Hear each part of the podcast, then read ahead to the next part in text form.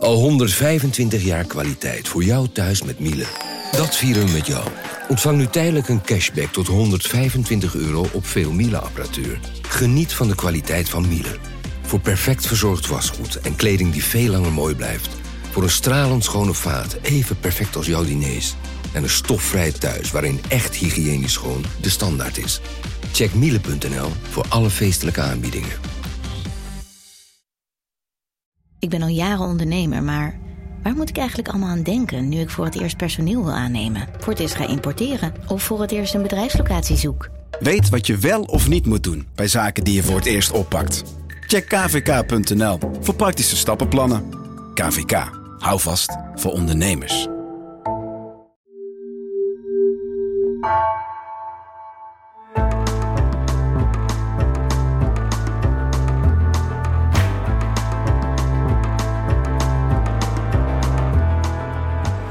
Als jonge misdienaar in West-Vlaanderen zag Manu Kersen de doden, de stervenden en de nabestaanden van dichtbij.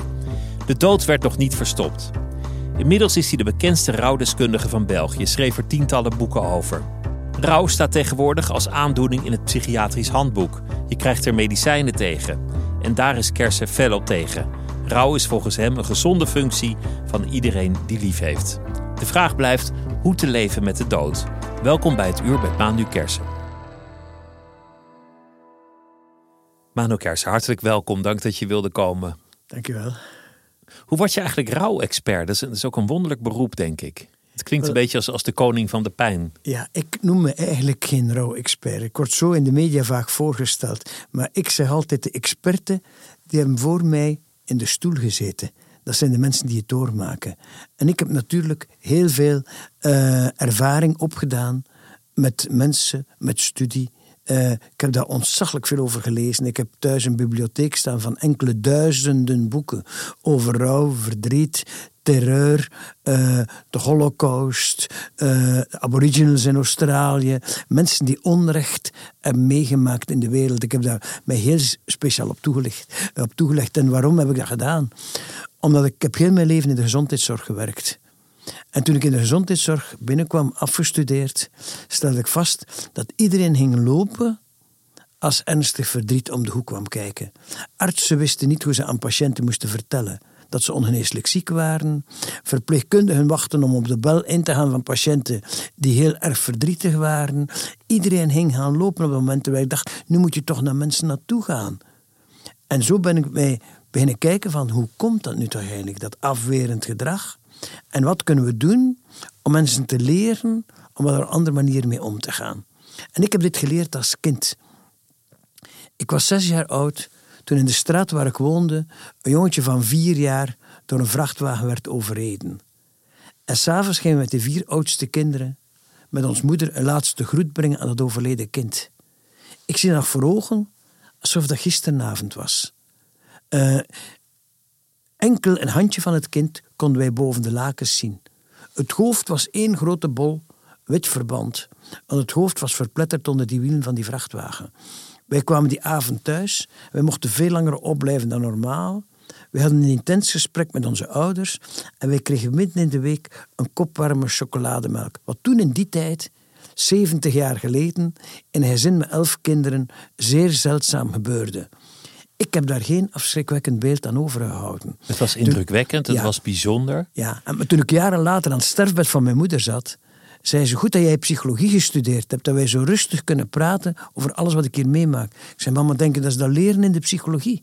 Waar heb jij dat dan geleerd, zei ze. Ik zei, ik denk hier thuis. En ik vertelde hoe ik me herinnerde dat we een groet gingen brengen dat jongetje dat verongelukt was. En zei de huisarts van het dorp, was bij alle gezinnen met kinderen langsgekomen en had gezegd, ga met je kinderen afscheid nemen, want die kinderen moeten morgen door diezelfde straat terug naar school. En moeten die kinderen dat verstaan als ze dat niet hebben gezien. En denk eens na wat je met je kinderen doet als je thuis een warme sfeer wilt creëren, zei hij. Mijn moeder zei pannenkoeken bakken en warme chocolademelk maken. Voor pannenkoeken heb je geen tijd, zei de huisarts. Geef ze een kop warme chocolademelk en neem al je tijd om naar je kinderen te luisteren de boodschap van de huisarts 70 jaar geleden. Dit was, dit was West-Vlaanderen waar je, waar je opgroeide? West-Vlaanderen, ja. Dit, dit is heel anders dan nu, want, want we hebben de neiging in het algemeen zelfs met volwassenen, om de dood op alle mogelijke manieren weg te houden. Ja, ja, ja. Je, je, je mag het lichaam niet zien. Eh, je mag er niet te veel over praten. Kinderen moet je al helemaal weghouden bij de dood. Mm, Maar, maar wat je eigenlijk zegt hier, het is, het is wel goed dat ik als, als kindje ja, ja. al, al een ander kindje dood heb gezien. Ja, ja, ja, ja. Iedereen, alle kinderen spreken daarover. En mensen denken vaak, je moet het aan kinderen niet vertellen. Mijn boodschap is, als mensen zeggen, vanaf wanneer moeten we zoiets vertellen aan de kinderen? Iemand die ernstig ziek is, die zou kunnen sterven. Ik heb maar één antwoord. Van zodra je dit als volwassene weet, moet je het aan de kinderen zeggen. Want de kinderen zien in het gedrag van volwassenen dat er iets is veranderd. De- Ze zien eventueel verdrietige reacties. En kinderen begrijpen niet wat er aan de hand is. En denken dat ze iets verkeerd gedaan hebben. Dus je moet tegen een kind zeggen, oma heeft kanker. Ja, ja. En er is een grote kans dat ze er binnenkort niet meer is. Ja, ja, ja, ja. En dan, zullen, en, en dan moet men kinderen vragen laten stellen. En kinderen zitten met heel veel vragen. Dood, wat is dat eigenlijk? Wat voel je dan? Vragen kinderen mij als je dood bent. Ik moet dan zeggen, als je dood bent, voel je niks meer. Maar de mensen die er nog zijn, voelen diep verdriet. En wat is dood? Vier dingen moet men aan kinderen vertellen. Ten eerste, alles wat leeft, gaat dood. Bloemen, planten, bomen, vogels, vissen, dieren en mensen. Alles wat leeft gaat dood. Dood is onomkeerbaar. Als je dood bent, ben je voor altijd dood. Eh, kinderen spelen krijgertje en ze schieten elkaar dood, maar die dode die staat twee minuten later weer recht en speelt weer verder. Nee, dood is voor altijd. Dood is finaal. Als je dood bent, ben je volledig dood. Je kan je niet meer zien, Voel je geen warmte of geen kou meer? Moet je niet meer eten? Kan je niet meer stappen? Je bent volledig dood. Mensen zeggen vaak, oma is nu een sterretje aan de hemel. En kan je van daaruit zien? Nee, iemand die dood is, kan niet meer zien. Die is dood. Moet je dat Eh, ook zo cru zeggen tegen eh, een kind? Oma ja. is helemaal geen sterretje, Maar- oma ziet helemaal niks meer. Ja, dat is geen. eh, sterven is verhuizen van de buitenwereld naar het hart van iedereen die van je houdt. En dat is niet cru. Als je aan oma denkt, dan is oma heel dicht bij jou. Want je kan oma in de herinneringen bewaren. En dat is heel erg belangrijk voor kinderen. En een vierde iets dat men aan kinderen moet zeggen, dood heeft een reden. Het is niet omdat oma nu doodgaat, dat wij morgen allemaal dood zullen gaan. Je gaat dood van iets, van ouderdom, van een ernstige ziekte, door ongeval, door moord, door zelfdoding. Eh, en je moet daarbij stilstaan bij kinderen en kinderen daar hun vragen over laten stellen. Het niet zo taboe maken, het niet zo Ja, wegstoppen. ja, ja. Heb, je, heb je zelf ook een fascinatie? Je vertelde over je bibliotheek vol leed, boekenplanken vol aboriginals, holocaust, Mm. eh, rouwboeken. Het is bijna alsof je de tranen van je boekenplank af ziet stromen. Is, is het ook een persoonlijke fascinatie? Eh, het, is, het heeft mij altijd geboeid, omdat ik vond dat ik dus een verantwoordelijkheid had naar de samenleving. Ik heb altijd geleefd met, ik heb van de samenleving veel gekregen. Het is mijn plicht van dat ook terug te geven aan de mensen. De inzichten die ik heb meegekregen. Ik ben als tweede oudste uit een gezin van elf kinderen naar de universiteit gegaan toen ik 18 was. Mijn ouders hebben enkel basisonderwijs, zelfs nog niet volledig kunnen studeren. Eh, en mijn moeder ging mee tot aan de busschalte en zei: Als je er zo ver bent, vergeet nooit alles wat je daar leert toe te passen voor de mensen die kans niet hebben gekregen. En ik heb dit altijd als mijn levensopdracht gezien. Ik moet wetenschap vertalen in een begrijpbare boodschap voor de brede bevolking. Ik moet de bevolking leren daar anders mee om te gaan. Ik moet artsen leren daar anders mee om te gaan, want mensen hebben daar recht op. Ik moet verpleegkundigen dat leren. En dat is inderdaad een stuk fascinatie voor mij. Wat je, wat je net vertelde is wel interessant. Dat, dat dokters die zijn gewend aan ziekte, die, die genezen mensen, die, Ja, die zien iedereen vroeg of laat wel een keer. Ja. Maar zodra de dood intreedt of om de hoek Ja, komt kijken, dan, dan, dan maken, ze, ma- maken ze maar dat ze wegkomen. Wel, er zit eigenlijk een grote leugen in de geneeskunde. Eh, dokters gaan geneeskunde studeren om mensen te genezen. Ik heb 50 jaar in de gezondheidszorg gewerkt. Ik heb nooit een arts iemand zien genezen. Wat doen artsen? Ze stellen een diagnose, ze stellen een behandeling in en om te genezen word je naar huis gestuurd. Zij genezen niet, zij stellen diagnoses en behandelingen in. Eh, en heel veel mensen vandaag, eh, ongeveer 30% van de bevolking, leeft vandaag met een chronische ziekte. waar je nooit kunt van genezen. Maar de geneeskunde kan je wel op een daadwerkelijke manier helpen om daar goed mee te leven. Maar genees je niet. Je komt er niet helemaal vanaf. Ja, ja. Maar mer- merkte jij als, als jonge behandelaar in het ziekenhuis dat, dat artsen niet om konden gaan met de dood, met sterfelijkheid? Wel, ik heb toen ik student was, heb ik vier jaar vrijwilligerswerk gedaan in het universitair ziekenhuis op de kankerafdeling. Ik ben daar toevallig terechtgekomen, want een meisje mij vroeg, mijn zus ligt in het ziekenhuis, wordt behandeld voor kanker, mijn zus van 17, en wij gaan met de hele familie tien dagen naar Lourdes op bedevaart om te bidden voor haar genezing. Wilt jij eens gaan bezoeken? En ik beloofde dat ik dat zou doen. En ik kwam op die kamer en ik werd meteen, eh, op die afdeling, ik werd meteen door de hoofdzuster met mijn kraag genomen en naar een lokaal apart meegenomen. Want wie was ik wel? Die rare kerel die van de gelegenheid gebruik maakt dat die hele familie op bedevaart was naar Lourdes om een meisje van 17 jaar te komen verleiden. Eh, ik kreeg dat kamernummer niet. En die zuster zei, ben jij, heb je niets anders te doen? Ik zeg, jawel, ik heb andere dingen te doen, maar ik heb dit beloofd. Zou jij ook bereid zijn van oude mensen te bezoeken die van niemand bezoek eh, ontvangen? Ik zeg, als ik die kan helpen, wil ik dat wel doen. En ik kreeg drie kamernummers van stokoude mensen. En daarna kreeg ik het nummer van de kamer van dat meisje. Ik ben vanaf dat moment de vaste vrijwilliger op die afdeling geworden. En je moet weten, dat was in de zestiger jaren van vorige eeuw. Toen werd het woord kanker nooit uitgesproken. Want de mensen lagen wel op een kankerafdeling. Het woordje dood werd nooit uitgesproken. En als een patiënt zwaarder ziek werd en van een kamer met vier naar een kamer alleen verhuisde de laatste dagen, zei men tegen die patiënt en de medepatiënten dat men nu een zeer bijzondere behandeling zou proberen, waarvoor die van nabij moest gevolgd worden. En de volgende dag stierf die patiënt. En terwijl het eten in alle kamers was opgediend, werd dat bed met een wit laken over, de lift ingerold en naar het mortuarium gevoerd. Men zei aan de patiënten dat die behandeling zo goed gewerkt had, dat die patiënt vervroegd naar huis was kunnen gaan. En toen ik dan op de afdeling kwam, zei de hoofdzuster mij, pas op, die en die en die en die zijn ook gestorven, maar zwijgen, hè, want de patiënten weet dit niet.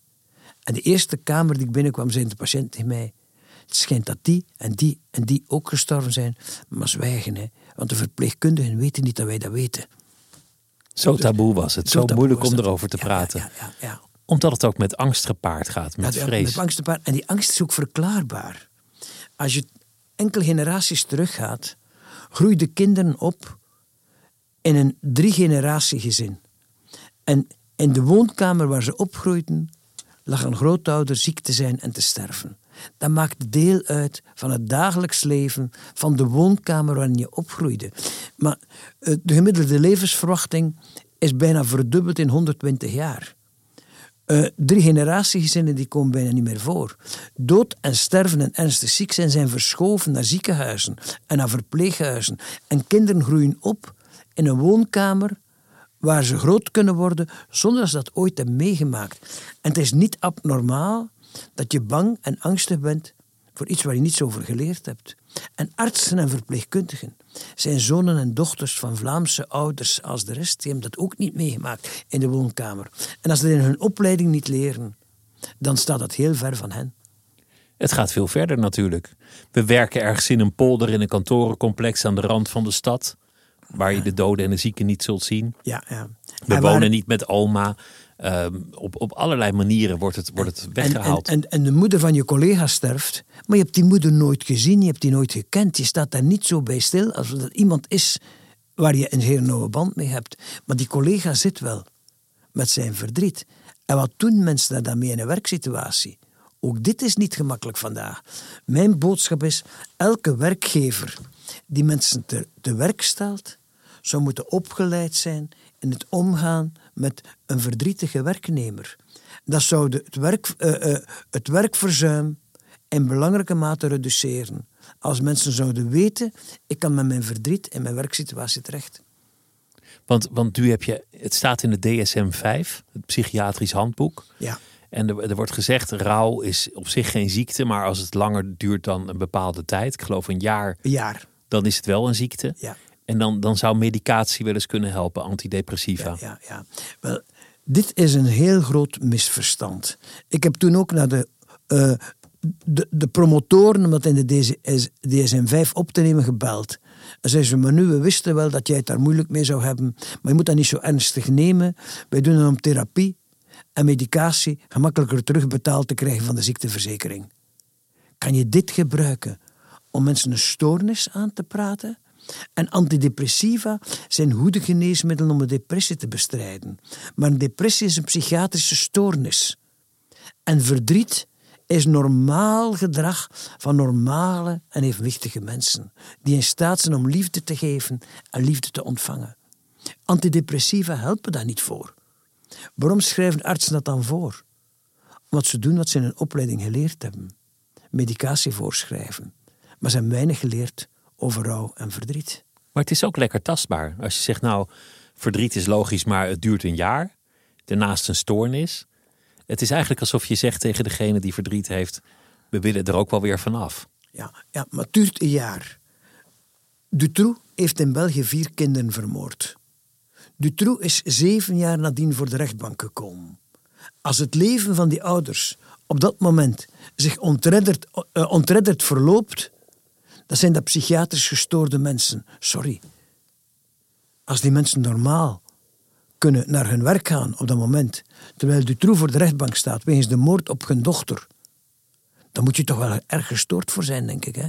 Om normaal je op je werk te kunnen concentreren op die momenten. Dus het verdriet, dat is het normale gedrag? Ja, dat is het normale En niet andersom? En niet andersom, ja. ja. Het is heel moeilijk hoe je ermee om moet gaan. Ja. Hoe moet je eigenlijk omgaan met de dood? Ben je, ben je zelf gelovig? Is dat een indiscrete vraag? Ik ben zelf gelovig, ja. ja, ja. Is, is het dan maar makkelijker? ik geloof niet in de machtsstructuur van de kerk. Maar ik geloof, maar ik geloof wel in de evangelische waarden die men uh, uh, vanuit de kerk behartigt. Ook in het hiernamaals? Het hiernamaals, daar ben ik van overtuigd dat je dit maakt, dat je dit zelf maakt in het hiernumaals. En dat is de wijze waarop je herinnerd zal worden door de anderen als je er niet meer bent. Het voortleven in het Ja, hart. ja. Het enige dat je kan, mee, kan meenemen als je doodgaat, dat is hetgene wat je aan anderen hebt gegeven. Maar er is niet een hemel met een poort en een Nee, dat oordeel. geloof ik niet. Dat geloof ik en niet engelen Daar en, harpmuziek. Ja, daar geloof ik niet in. Nee, En melk nee, en. Er is, en er is nog nooit iemand teruggekomen van de andere kant om te vertellen hoe het aan de overkant is. En daar geloof ik ook niet in. Eh, ik geloof in, eh, in de betekenis die je nalaat voor mensen die dierbaar waren. Eh, En als ik met stervende mensen te maken heb, dan probeer ik hen altijd te helpen om vier dingen aan elkaar te zeggen. Sorry, ik vergeef je, ik dank je, ik hou van je. Als we mensen kunnen helpen om die vier dingen aan elkaar mee te geven, dan geef je een kostbaar geschenk mee voor de komende generatie. Als ik die vader die nooit veel liefde heeft kunnen tonen, kan helpen om één keer aan zijn zoon te zeggen: Jongen, ik heb u eigenlijk altijd heel graag gezien. Dan is dat een kostbaar geschenk voor de komende generatie. Dat, dat is eigenlijk bijna een ritueel. Ja. Het sterfbed, laatste plechtige woorden, Ja. het afsluiten. Ja, Als het je gegeven is, hè, je kan natuurlijk ook uitglijden over een stukje zeep en dan. Of door eh, zelfdoding sterven, of door een ongeval, of eh, mensen in gaat. Oekraïne en in Israël op dit moment, die hebben die kans niet om dat te zeggen aan elkaar. maar als die kans er is, zijn dit de Ja. mooie woorden. Ja, ja. Zijn rituelen belangrijk? Rituelen zijn ontzaglijk belangrijk. Want wat is de betekenis van een ritueel? Een ritueel eh, is eigenlijk een manier waarop je persoonlijke emoties kunt veruiterlijken en vorm kunt geven in een maatschappelijke context.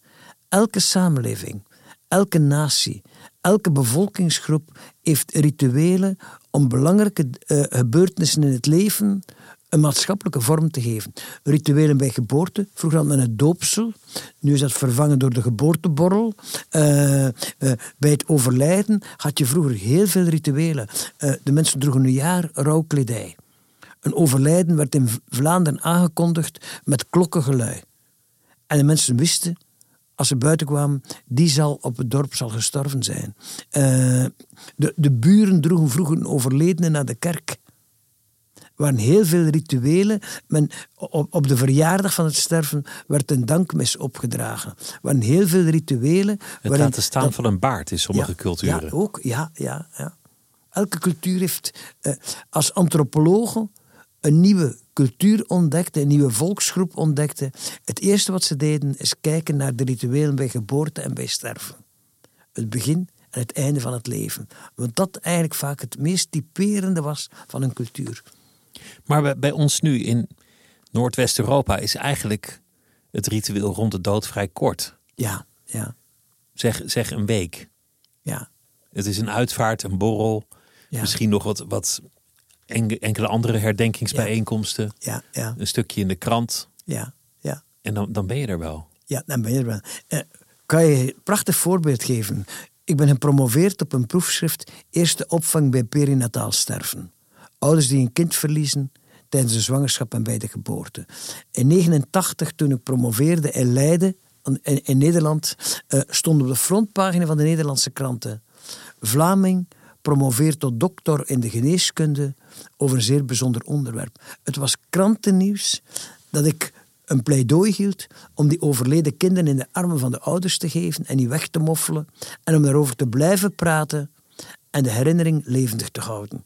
En ik kreeg toen van mijn promotor een beeldje dat uit een eh, zeer primitieve stam kwam in Afrika, de Yorubas. Een zeer afgesloten levende stam.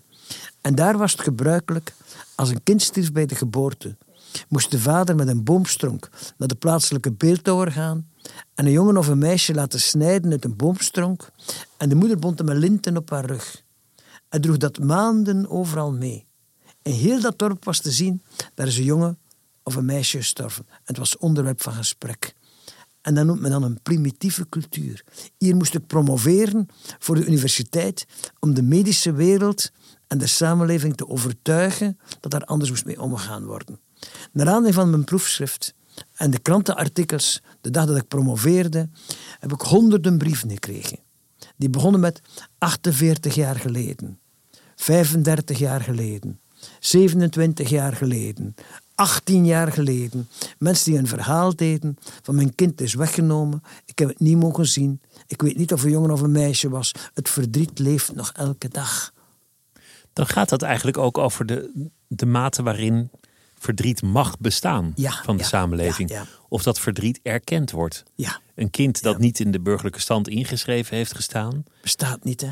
dat mag niet bestaan en dus kan die rouw niet goed verwerkt worden. Men heeft op een bepaald moment de wetgeving in België veranderd. In Nederland is die ook veranderd, denk ik. Dat je een kind met terugwerkende kracht kon inschrijven in de burgerlijke stand. Wat vroeger, omdat het gestorven was voor de geboorte was aangegeven, niet kon ingeschreven worden in de burgerlijke stand. De dag dat die wet in voege ging in België, stond voor het stadhuis in Leuven om tien voor negen een echtpaar, de man kinderarts, de moeder huisarts, te wachten tot negen uur tot het stadhuis openging om hun kind in te schrijven in de burgerlijke stand dat elf jaar tevoren was gestorven. En zijn, ons kind heeft nu elf jaar geen naam voor de samenleving. Nu dat die wet van toepassing is, mag het geen minuut langer meer duren. Om maar die erkenning te hebben. Ja, en die ja, erkenning is nodig om dat verdriet aan te kunnen. Ja, ja, ja. Maar dat geldt voor heel veel mensen. Stel je, stel je hebt een affaire, heel veel mensen gaan vreemd. Ja. Heel veel mensen hebben een affaire. Dan, dan gaat de man in kwestie dood. En dan zijn vrouw, die, die, die krijgt alle erkenning voor haar verdriet. Maar de minnares, die mag niet niet, bestaan. Die loopt ermee rond. Het is maar een van de honderden voorbeelden van, van Ja. verdriet dat niet mag bestaan. Ja, ik, had, eh, ik kreeg op een moment een, een telefoon van de secretaresse van een arts van een groot bedrijf. De directeur van het bedrijf is gestorven. Die bedrijfsarts heeft daar op een voorbeeldige manier zorg voor gedragen dat zijn werk kon combineren met die ernstige ziekte. Maar het heeft niet geholpen, hij is uiteindelijk gestorven. Eh, die, die kwijnt helemaal weg, die bedrijfsarts. En de secretaresse zegt, kan ik een afspraak voor haar maken? Want die gaat hier dood op haar bureau, die is graadmager geworden, die zit te huilen, die is niet in staat om iets te doen. Ik geef een afspraak en die bedrijfsarts komt de volgende dag bij mij binnen. En ik schrik als ik die zie komen. Die was mager, maar een mooie vrouw, maar die zag er niet verdrietig uit. Zegt, ik voel me al helemaal opgelucht en helemaal een ander mens. Sinds dat ik weet dat ik met u eens kan praten. Want ik moet met iemand kunnen praten of ik bloed dood van verdriet. En ze vertelt mij dat zij al zes jaar de minnares was van die arts. Eh, eh, van, van, van, die, van, die, directeur. Eh, dat ze zo zijn kanker heeft ontdekt. Niet als bedrijfsarts, maar als minnares.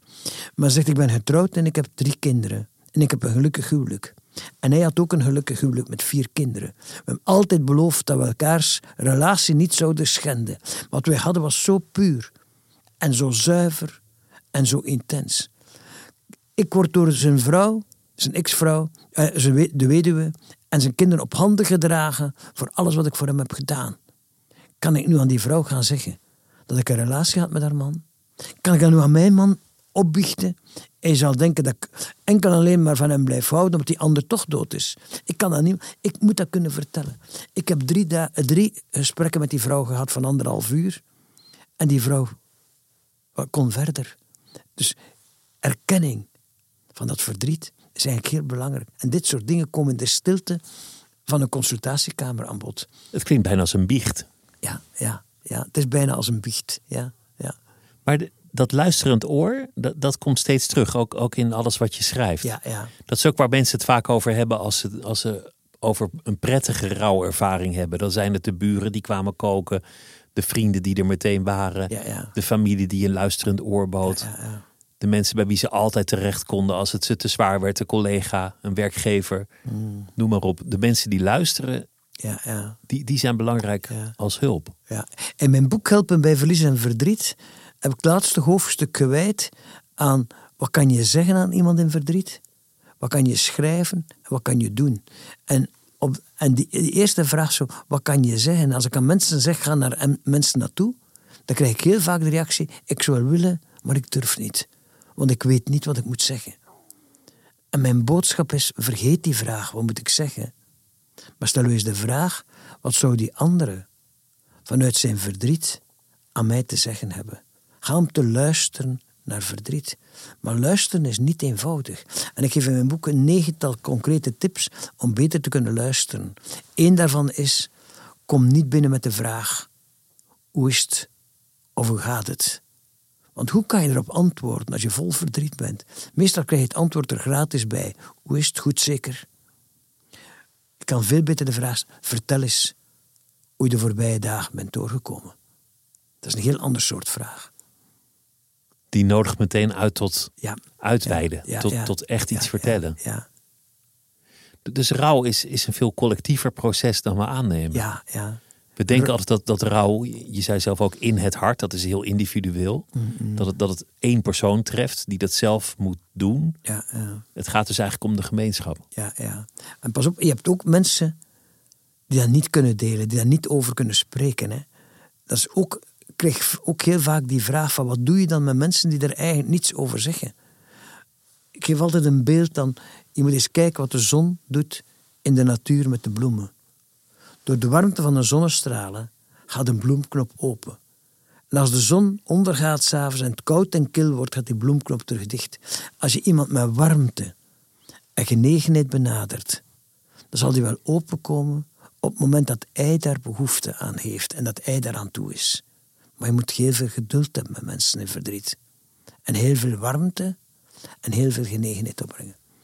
Is dan een rouw-expert, ik gebruik het woord toch, maar misschien meer in essentie bezig met de samenleving als geheel? Een, een soort maatschappijcriticus. Ik denk dat ik heel veel met de samenleving in zijn geheel ben bezig geweest, ja. Eh, omdat ik van overtuigd ben dat we allemaal een bijdrage kunnen leven, leveren tot een leefbaarder samenleving voor heel veel mensen. En dit is toevallig het terrein waar het zich uit. Ja, ja, ja, ja, Iedereen gaat dood, dat is, het- dat is het grappige eraan. ja. Ja, voor, vooralsnog is niet bewezen dat wij twee doodgaan. Dat moet nog maar blijken, maar het ziet er niet gunstig uit voor ons. Ik denk dat het wel bewezen is hoor, dat we doodgaan, maar niet wanneer en waaraan. Mensen stellen mij soms de vraag in het ziekenhuis van, eh, als ze ernstig ziek zijn, zou het kunnen dat ik doodga? En ik zeg altijd aan mensen, dat is de gemakkelijkste vraag om te beantwoorden. Ik ben zeker dat jij doodgaat. Maar ik weet niet wanneer, hoe en waaraan. Maar dat je doodgaat, dat weet ik zeker. Alle mensen sterven. Er zal nooit iemand blijven leven. Maar niet iedereen beseft dit. Zelfs de voorzitter van het grootste wetenschappelijk instituut in Parijs voor de volksgezondheid, het Pasteur Instituut in Parijs, heeft jaren geleden geschreven: Het zal nog beperkte tijd duren voor wij de mensheid van de ouderdom van het sterven zullen kunnen genezen. En in Vlaanderen hadden wij een arts, dokter Leconte, die een medicament had uitgevonden waardoor iedereen duizend jaar zou worden. Ik zie nog altijd een bus kloosterzusters van Limburg naar Knokke rijden. Die woonde in Knokke op consultatie bij dokter Leconte om allemaal duizend jaar te worden. Het is natuurlijk ook een methode om kloosterroepingen in leven te houden. En pas op, Leconte heeft het bijna gehaald. Hij zou duizend jaar worden. Had hij niet één rekenfoutje gemaakt, die had zich 922 jaar vergist. Hij is op 78-jarige leeftijd gestorven. Maar hij zou duizend jaar worden. En Klein rekenfoutje. En, en, en, dit soort mythes leeft bij heel veel mensen. En mijn boodschap is, je moet mensen terug leren leven met de dood voor ogen. En dan maakt het, het leven niet pessimistisch, maar je zou, je zou heel anders kijken naar heel veel dingen als je met het besef zou leven van ik kan morgen of overmorgen dood zijn. Het is wonderlijk, want ik, ik, zat, ik zat op de rand van een bed met de afstandsbediening en ik ging zo alle kanalen af. Hmm. En er was niets wat ik wilde zien. Ik ging gewoon elk kanaal af. Ik heb 16 mensen zien sterven. 50 kanalen. Hmm. Het was het nieuws, daar was een bom gevallen, dat ging al hard. Er was, was een van de crimi, er werd iemand doodgeschoten. Een actiefilm, een oude, met Sylvester Stallone. Nou ja, misschien waren het er 15 hoor, maar... Ja, ja maar, dat is ook iets typisch. Uh, ik zei juist, het sterven is uit de woonkamer verdwenen.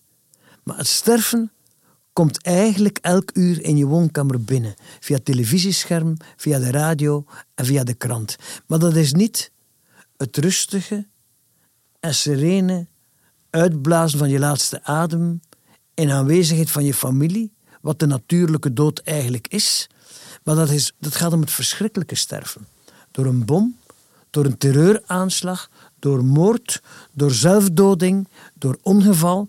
En dat verschrikkelijke karakter van die dood, dat is het enige van dood dat de mensen nog kennen. Ik heb het geluk gehad van aan het bed te zitten van mijn moeder als ze haar laatste adem uitblies op 63-jarige leeftijd. Ik heb het geluk gehad van naast mijn vader te zitten toen hij glimlachend mijn vader was dement op het einde van zijn leven, herkende ons niet meer. Maar ik ging op een bepaald moment op een avond om 11 uur, zei ik tegen mijn vrouw, het is mooi weer, ik wil nog eens naar Brugge rijden naar mijn vader. En ik stapte in de auto om 130 kilometer naar mijn vader te rijden om 11 uur s'avonds. Ik dacht, het weekend kan ik niet gaan. Ik zou mij nooit vergeven. Moest er eens iets gebeuren en ik ben niet meer geweest. En ik rijd naar hem toe, ik kom daar kwart voor één toe. En hij doet zijn ogen open en hij glimlachte vriendelijk. En ik dacht, hij ziet er goed uit. En ik zet me neer naast zijn bed en tien minuten later blaast hij zijn laatste adem uit en sterft hij. Dat is de enigste keer dat ik s'nachts naar de andere kant van het land rijd om mijn ouders te bezoeken. En hij sterft tien minuten nadat ik daar aankom.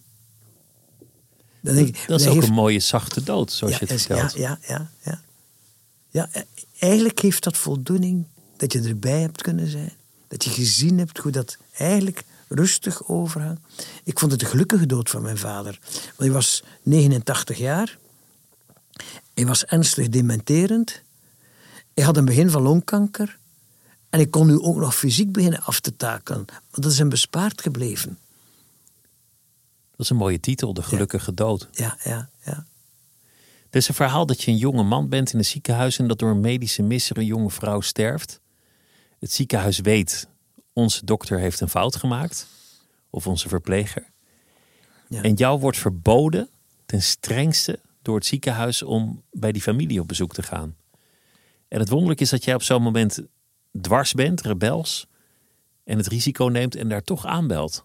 Hmm. Wat, wat is dat? Ja, uh, ik vind dat die mensen het recht hebben op opvang. En mijn directeur, ik was directeur zorg in het ziekenhuis. En ik had mijn directeur gezegd: Je moet vanavond naar die mensen naartoe gaan. Want dat was hun dochter die gestorven was, hun enige dochter. Door een zware fout van een verpleegkundige. En ik zei: Jullie moeten uh, je moet je vrijmaken vanavond aan die mensen, want dat is het ergste wat die mensen kan overkomen. Hun enig kind dood door een fout. En de directeur zei, we zullen een goede advocaat nemen, die het allemaal regelt voor die mensen. En niemand mag van het ziekenhuis met die mensen gaan praten.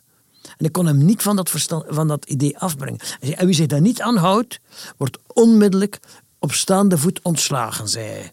Want hij was bang voor schadeclaims. Ja, ja, ja. En ik ben die avond stiekem daar die mensen naartoe gereden. Ik heb dan vier uur in die woonkamer gezeten. Eh, en toen ik om twaalf uur s'nachts wilde vertrekken, zei die vader, we appreciëren tenminste dat iemand van de directie naar het ziekenhuis is gekomen. En hij vroeg me wat ik deed in die directie. En ik zei dat ik directeur zorg was. En wat is dat dan? En ik noemde de disciplines waarvoor ik verantwoordelijk ben. Toen ik de verpleegkundige uitsprak, ging die man achteruit in zijn stoel zitten. Maar meneer Kersen, zegt hij, als ik u goed versta, hij zit verantwoordelijk voor de verpleegkundigen. Dan zijt gij de aanvoerder van de moordenaarsbende die ons enig kind heeft vermoord. En zit hier Hanse avond in onze, in onze woonkamer. Ik heb toen, ik zat daar toen. Ik heb toen gezegd, ik zei meneer, zo zou, mij, zou kunnen noemen. De aanvoerder van de moordenaarsbende. Ik ben naar die mensen teruggegaan. De vooravond van kerstmis. De vooravond van nieuwjaar. De verjaardag van hun dochter. En de verjaardag van de dood van hun dochter. Toen ik een jaar later terug in die woonkamer zat, zei die vader, weet je ons meest geholpen heeft in dat jaar? Die zin die hij die eerste nacht hebt gesproken. Zo zou het mij kunnen noemen. De aanvoerder van de moordenaarsbende. Met die ene zin hebt gij al onze woede op uw schouders mee naar buiten gedragen. Dat heeft ons het meest geholpen. Hij kon waarschijnlijk honderd redenen aanvoeren waarom hij daar ook niets kon aan doen. Ik was twee weken verantwoordelijk voor die 3000 verpleegkundigen in het ziekenhuis. Maar ik dacht, ik heb die verantwoordelijkheid aangenomen. Die man heeft gelijk. Ik ben de aanvoerder van de moordenaarsbende. Ook al kon ik daar niets aan doen. Maar je moet je verantwoordelijkheid nemen. En hij kon die woede ergens kwijt. En ik kon die woede ergens kwijt. En jij hebt die woede naar buiten gedragen. Ik heb die woede naar buiten En hij was vrij om ja.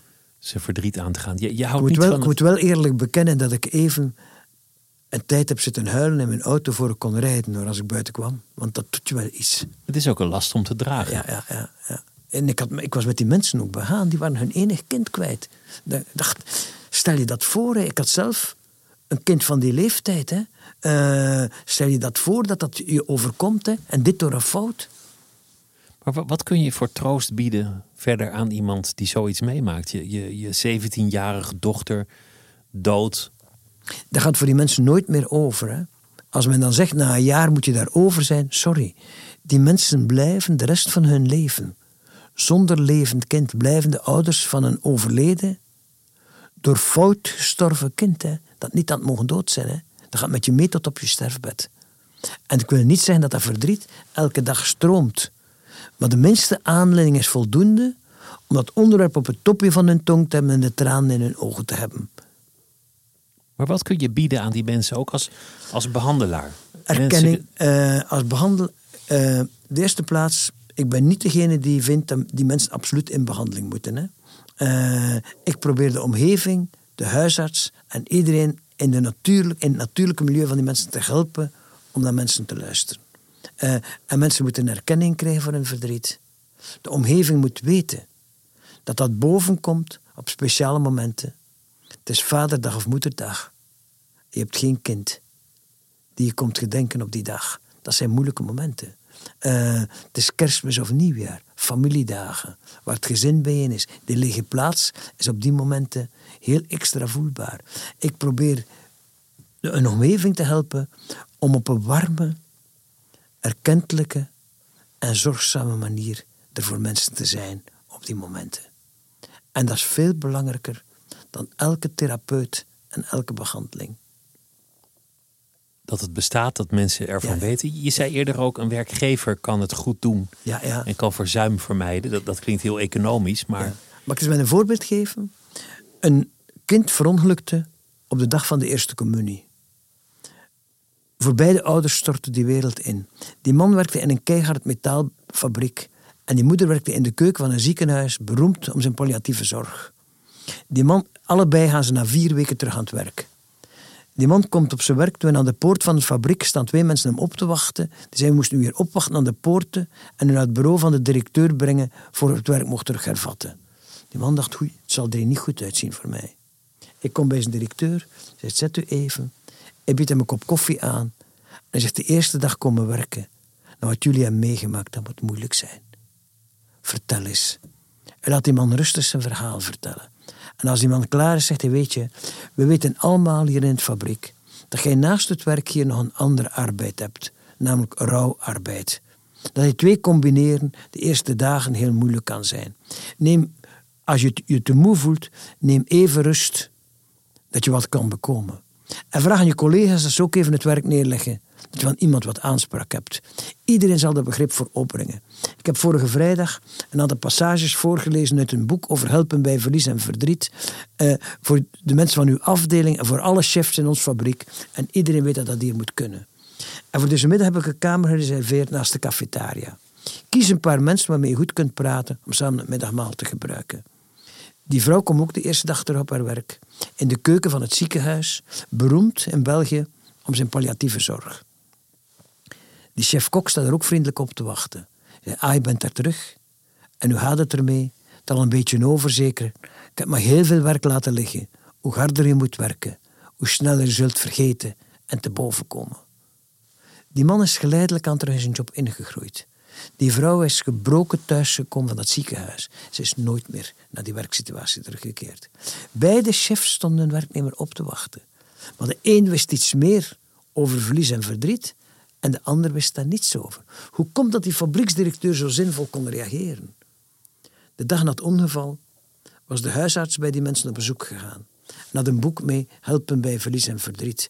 En die moeder zei, dat boek heeft mij en mijn man van de ondergang gered. We hebben daar steun en erkenning in gevonden. We konden passages laten lezen door onze buren en familieleden die niet wisten hoe met ons om te gaan. Maar toen die huisarts hoorde in welke setting beide ouders werkten, heeft hij de directeur van de metaalfabriek opgebeld en zei: Lees dat boek en doe daar iets mee naar je werknemers. Want anders zal die man zich nooit meer kunnen reïntegreren in dat bedrijf. Maar die huisarts vond het niet nodig om een ziekenhuis op te bellen, bekend om zijn palliatieve zorg. Meer weten zou iedereen in belangrijke mate kunnen helpen. En ik denk, elke werkgever is toch geïnteresseerd aan een zo laag mogelijk ziekteverzuim.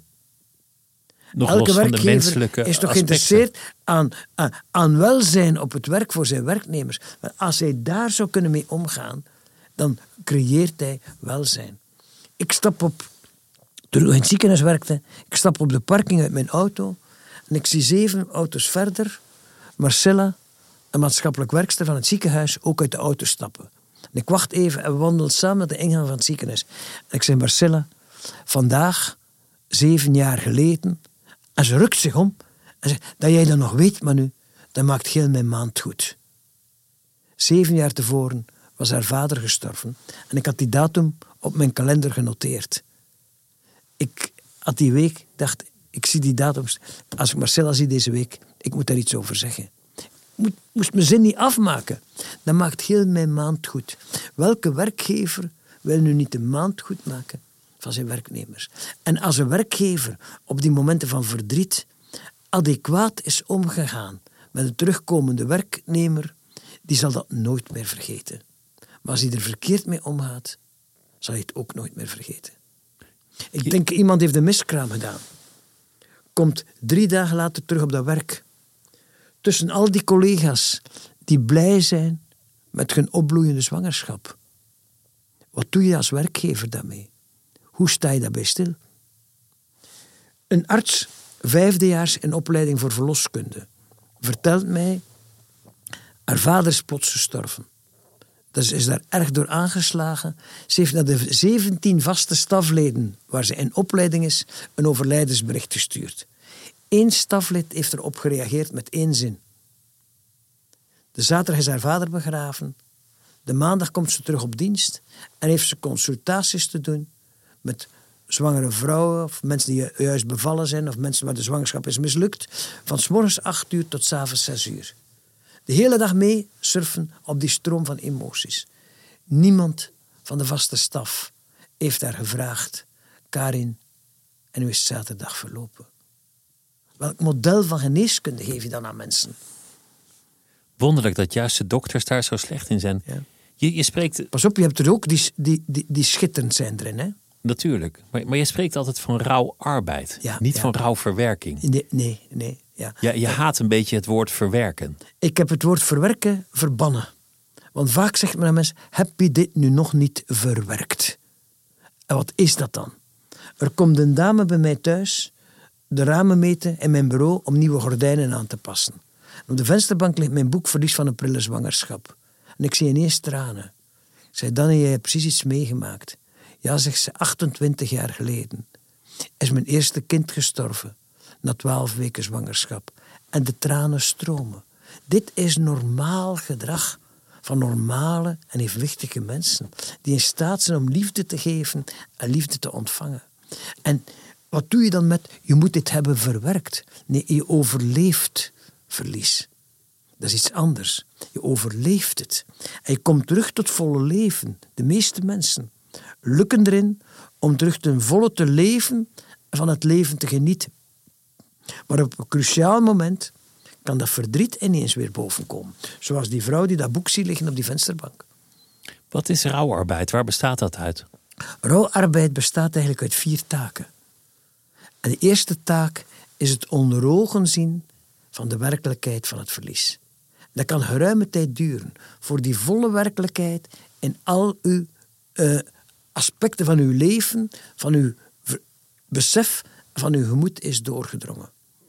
En één keer die werkelijkheid begint door te dringen, sta je voor een tweede taak. En die tweede taak is het ervaren van de pijn van het verlies. Je kan geen verlies doormaken zonder pijn te ervaren. En alles wat men doet om die pijn te vermijden, voorschrijven van antidepressiva, is verlengen van het rouwgebeuren. En dan kom je aan een derde taak. Je aanpassen aan de wereld met dit verlies. En ook dit is heel moeilijk voor verschillende mensen. En nooit voor twee hetzelfde. Als drie kinderen hun moeder begraven, ook als dezelfde vrouw die wordt begraven, dat is niet dezelfde moeder voor die kinderen. Elk moet zich aanpassen aan wat het betekent leven met die lege plek. En dan heb je een vierde taak, en die vierde taak is opnieuw leren genieten van het leven en herinneringen levendig bewaren. En opnieuw leren genieten is pas de vierde taak van die rouwarbeid. En hoe kan je herinneringen levendig bewaren als iedereen de herinnering aan die persoon doodzwijgt en er niet meer over spreekt? En bij elk van die vier taken kunnen we elkaar helpen. En bij elk van die vier taken kunnen we elkaar ook voor de voeten lopen, dat mensen daar nooit mee klaar geraken. En als je dan zo je hele leven bezig bent met rouw en tientallen boeken erover schrijft. En op een dag zegt de dokter tegen jou, want dat is gebeurd, je hebt een ernstige vorm van kanker. Ja. Je leven is in gevaar. Dus nu treft het ineens jezelf. Mm. Ben je dan ook in staat om, om anders te reageren dan je zou doen als je niet al die kennis had? Ik denk het wel, ja. ja. Uh, ik moet zeggen, ik heb daar eigenlijk vrij rustig op gereageerd. Ik hoor heel veel mensen zeggen, waarom moet mij dat nu overkomen? En mijn ding was, ja, ja, waarom kan het mij niet overkomen? Het overkomt zoveel mensen. En ik moet zeggen, ik ben, eh, ik ben toen geopereerd. Ik ben tien dagen uh, uit mijn normale bezigheden gerukt daardoor. En daarna heb ik mijn bezigheden gewoon terug hervat. Uh, ik ben tien jaar later hervallen van die kanker. Het was een agressieve vorm. De dokter gezegd, het is een zeer agressieve vorm. Die kan terugkomen. Tien, tien jaar later was die daar terug. Ik heb dan weer een jaar behandeling gehad. Uh, voor, ik tien weken bestraling elke dag en één jaar hormonale chemotherapie.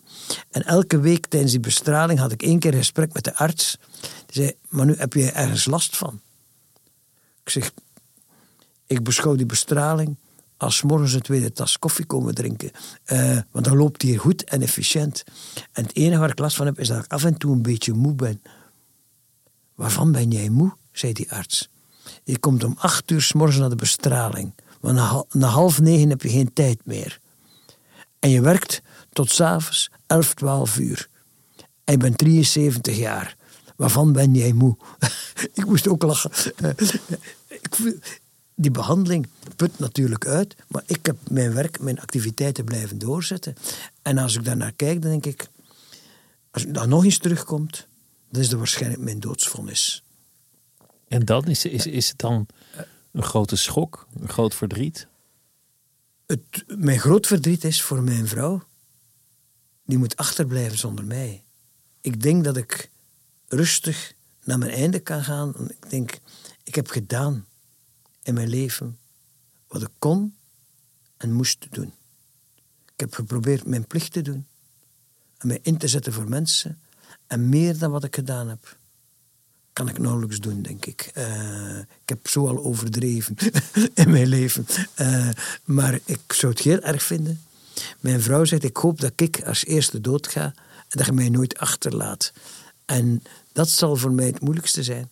Mijn vrouw achterlaat, ook al weet ik dat mijn twee, kind, mijn twee kinderen en mijn twee pleegkinderen heel veel zorg voor haar zullen dragen.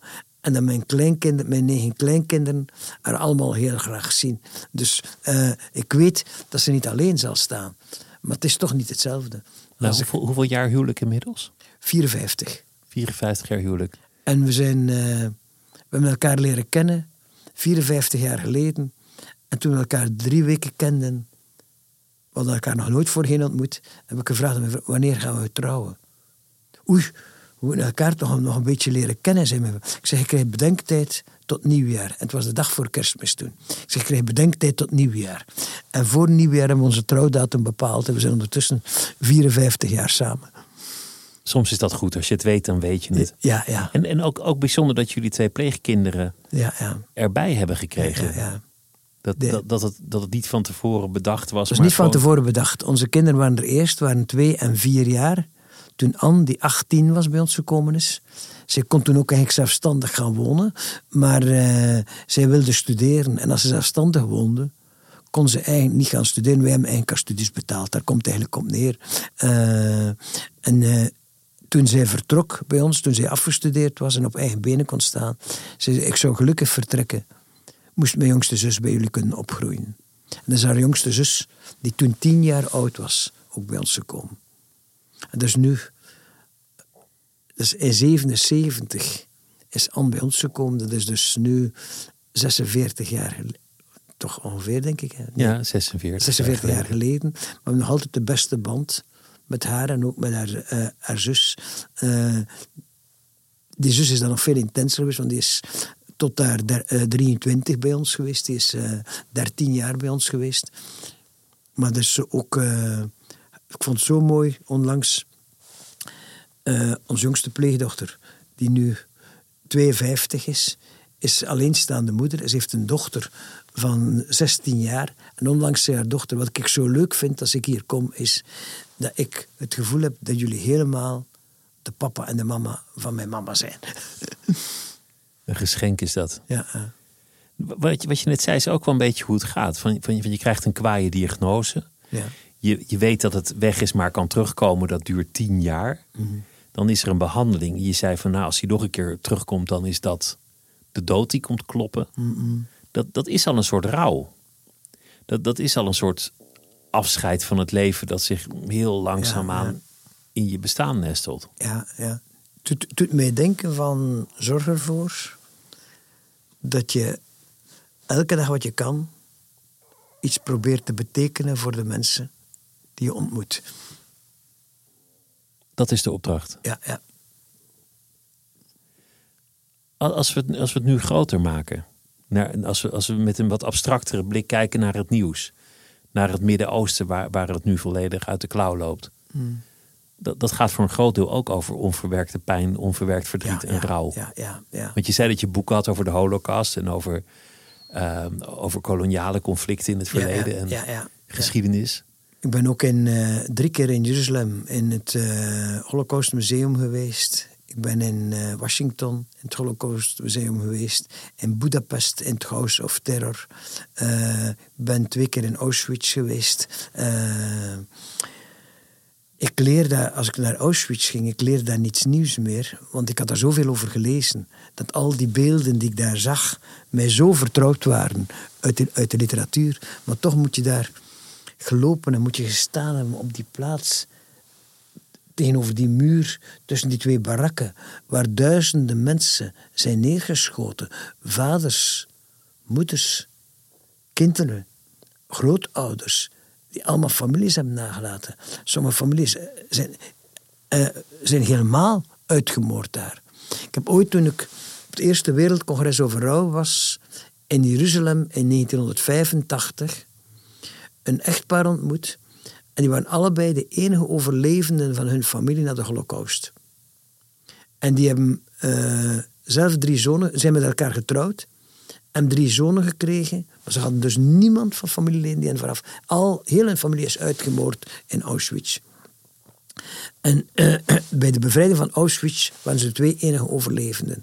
Ze hebben drie zonen gekregen. En hun oudste zoon is naar Israël gegaan om mee te strijden voor die vrijheidsstaat en is daar gesneuveld.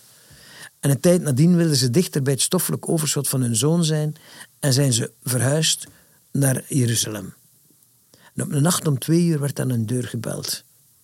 Die man zag twee politieagenten staan. Hij dacht, toch niet weer één van mijn kinderen. En toen hem de deur opendeed en het gelaat zag, zei hij, vertel maar, wie van de twee is het? Allebei, meneer, zei de politie. De een was gesneuveld in de Holandhoogte en de andere in de Sinaï-woestijn op dezelfde dag. Die man zei, alles wat ons voorgegaan was, waren wij kwijt. Alles wat ons nagekomen was, waren we kwijt. Wij moesten opnieuw een kind hebben om voor te kunnen leven, om een zin van leven te hebben. Uh, ze hebben een nieuw kind gecreëerd. Een bibliotheek over rouw en verlies. Ze hebben die geschonken aan de Universiteit van Tel Aviv. Ze hebben al hun energie, hun geld en hun middelen gestoken in de beste bibliotheek ter wereld over rouw en verlies.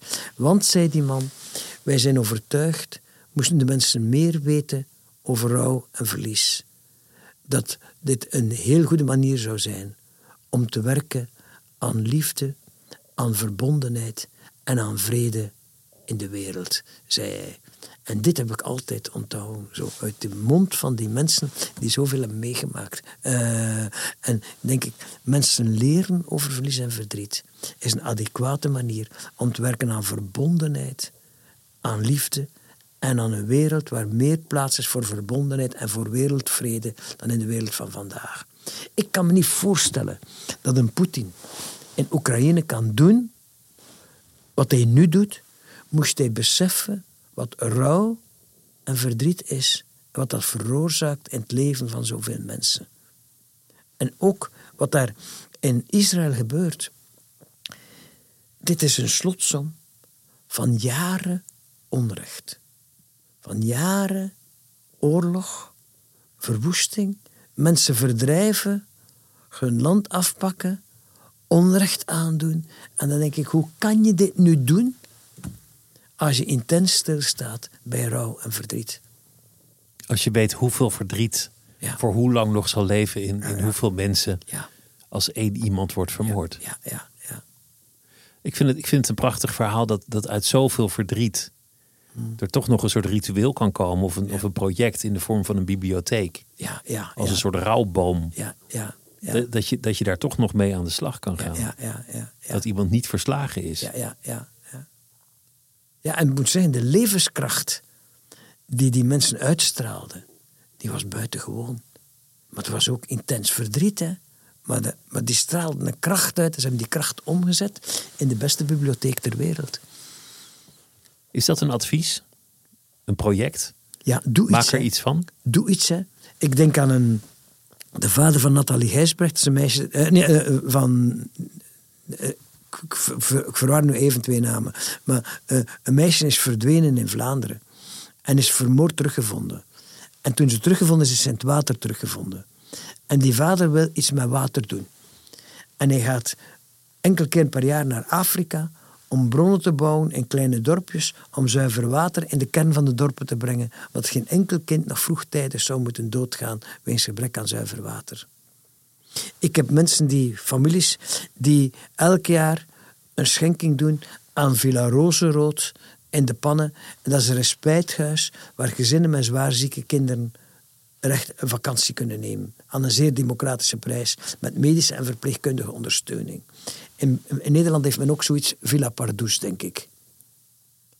Dat zijn initiatieven. Als je dit goedkoop aan de bevolking wilt aanbieden, dan heb je sponsors nodig die dat willen meesteunen. Wel, sommige mensen zien in het sterven van hun kind een motief om zo'n project te steunen. Of om iets op te richten hier of daar. En dat is rouwarbeid. Dat is rouwarbeid, ja. ja. Het was me een groot genoegen om, uh, om met je te praten. Dank voor dit uur. En dat was het uur voor deze week. Volgende week is er weer een aflevering. Het uur wordt gemaakt door Mira Zeehandelaar. Productie Claire van der Woude en mijn naam is Pieter van der Wielen. Tot volgende week.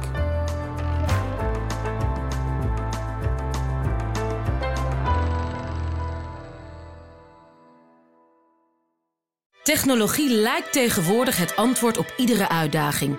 Bij PwC zien we dit anders. Als we de potentie van technologie willen benutten, kunnen we niet zonder een menselijk perspectief. Human-led, tech-powered noemen we dat. Ga naar pwc.nl.